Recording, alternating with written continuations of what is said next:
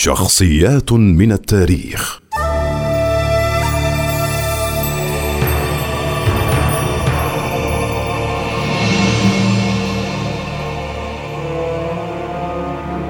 رابعة العدوية.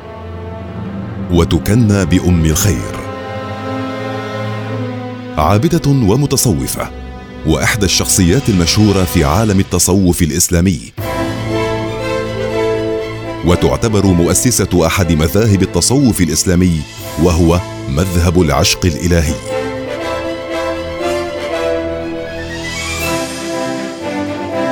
هي بنت إسماعيل العدوي ولدت في مدينة البصرة ويرجح مولدها حوالي عام 717 وكانت الابنة الرابعة لأب عابد فقير ولهذا يرجع اسمها رابعة. توفي والدها وهي طفلة دون العاشرة. ولم تلبث الأم أن لحقت به. لتجد رابعه وأخواتها أنفسهن بلا عائل يعينهن على الفقر. فذاقت رابعه مرارة اليتم الكامل دون أن يترك والداها من أسباب العيش لها سوى قارب ينقل الناس بدراهم معدودة في أحد أنهار البصرة. كانت رابعة تخرج لتعمل مكان أبيها ثم تعود بعد عناء تهون عن نفسها بالغناء. وبذلك أطلق الشقاء عليها وحرمت من الحنان والعطف الأبوي. وبعد وفاة والديها غادرت رابعة مع أخواتها البيت. بعد أن وقع في البصرة جفاف وصل إلى حد المجاعة. ثم فرق الزمن بينها وبين أخواتها. وبذلك أصبحت رابعة وحيدة مشردة.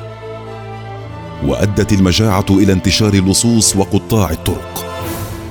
فخطف رابعة أحد اللصوص وباعها بستة دراهم لأحد التجار القساة فأذاقها سوء العذاب.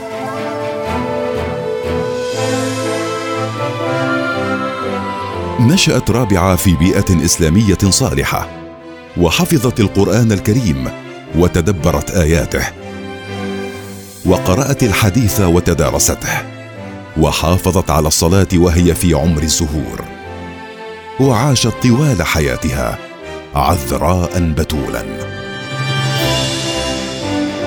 رسالة رابعة لكل إنسان كانت أن نحب من أحبنا اولا. وهو الله.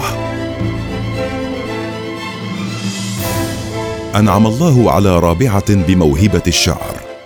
فخرجت الكلمات منسابة من شفتيها.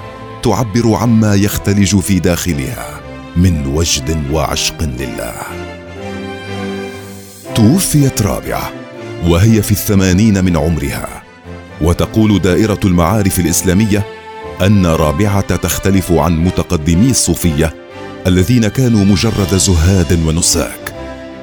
ذلك أنها كانت صوفية بحق يدفعها حب قوي دفاق كما كانت في طليعة الصوفية الذين قالوا بالحب الخالص.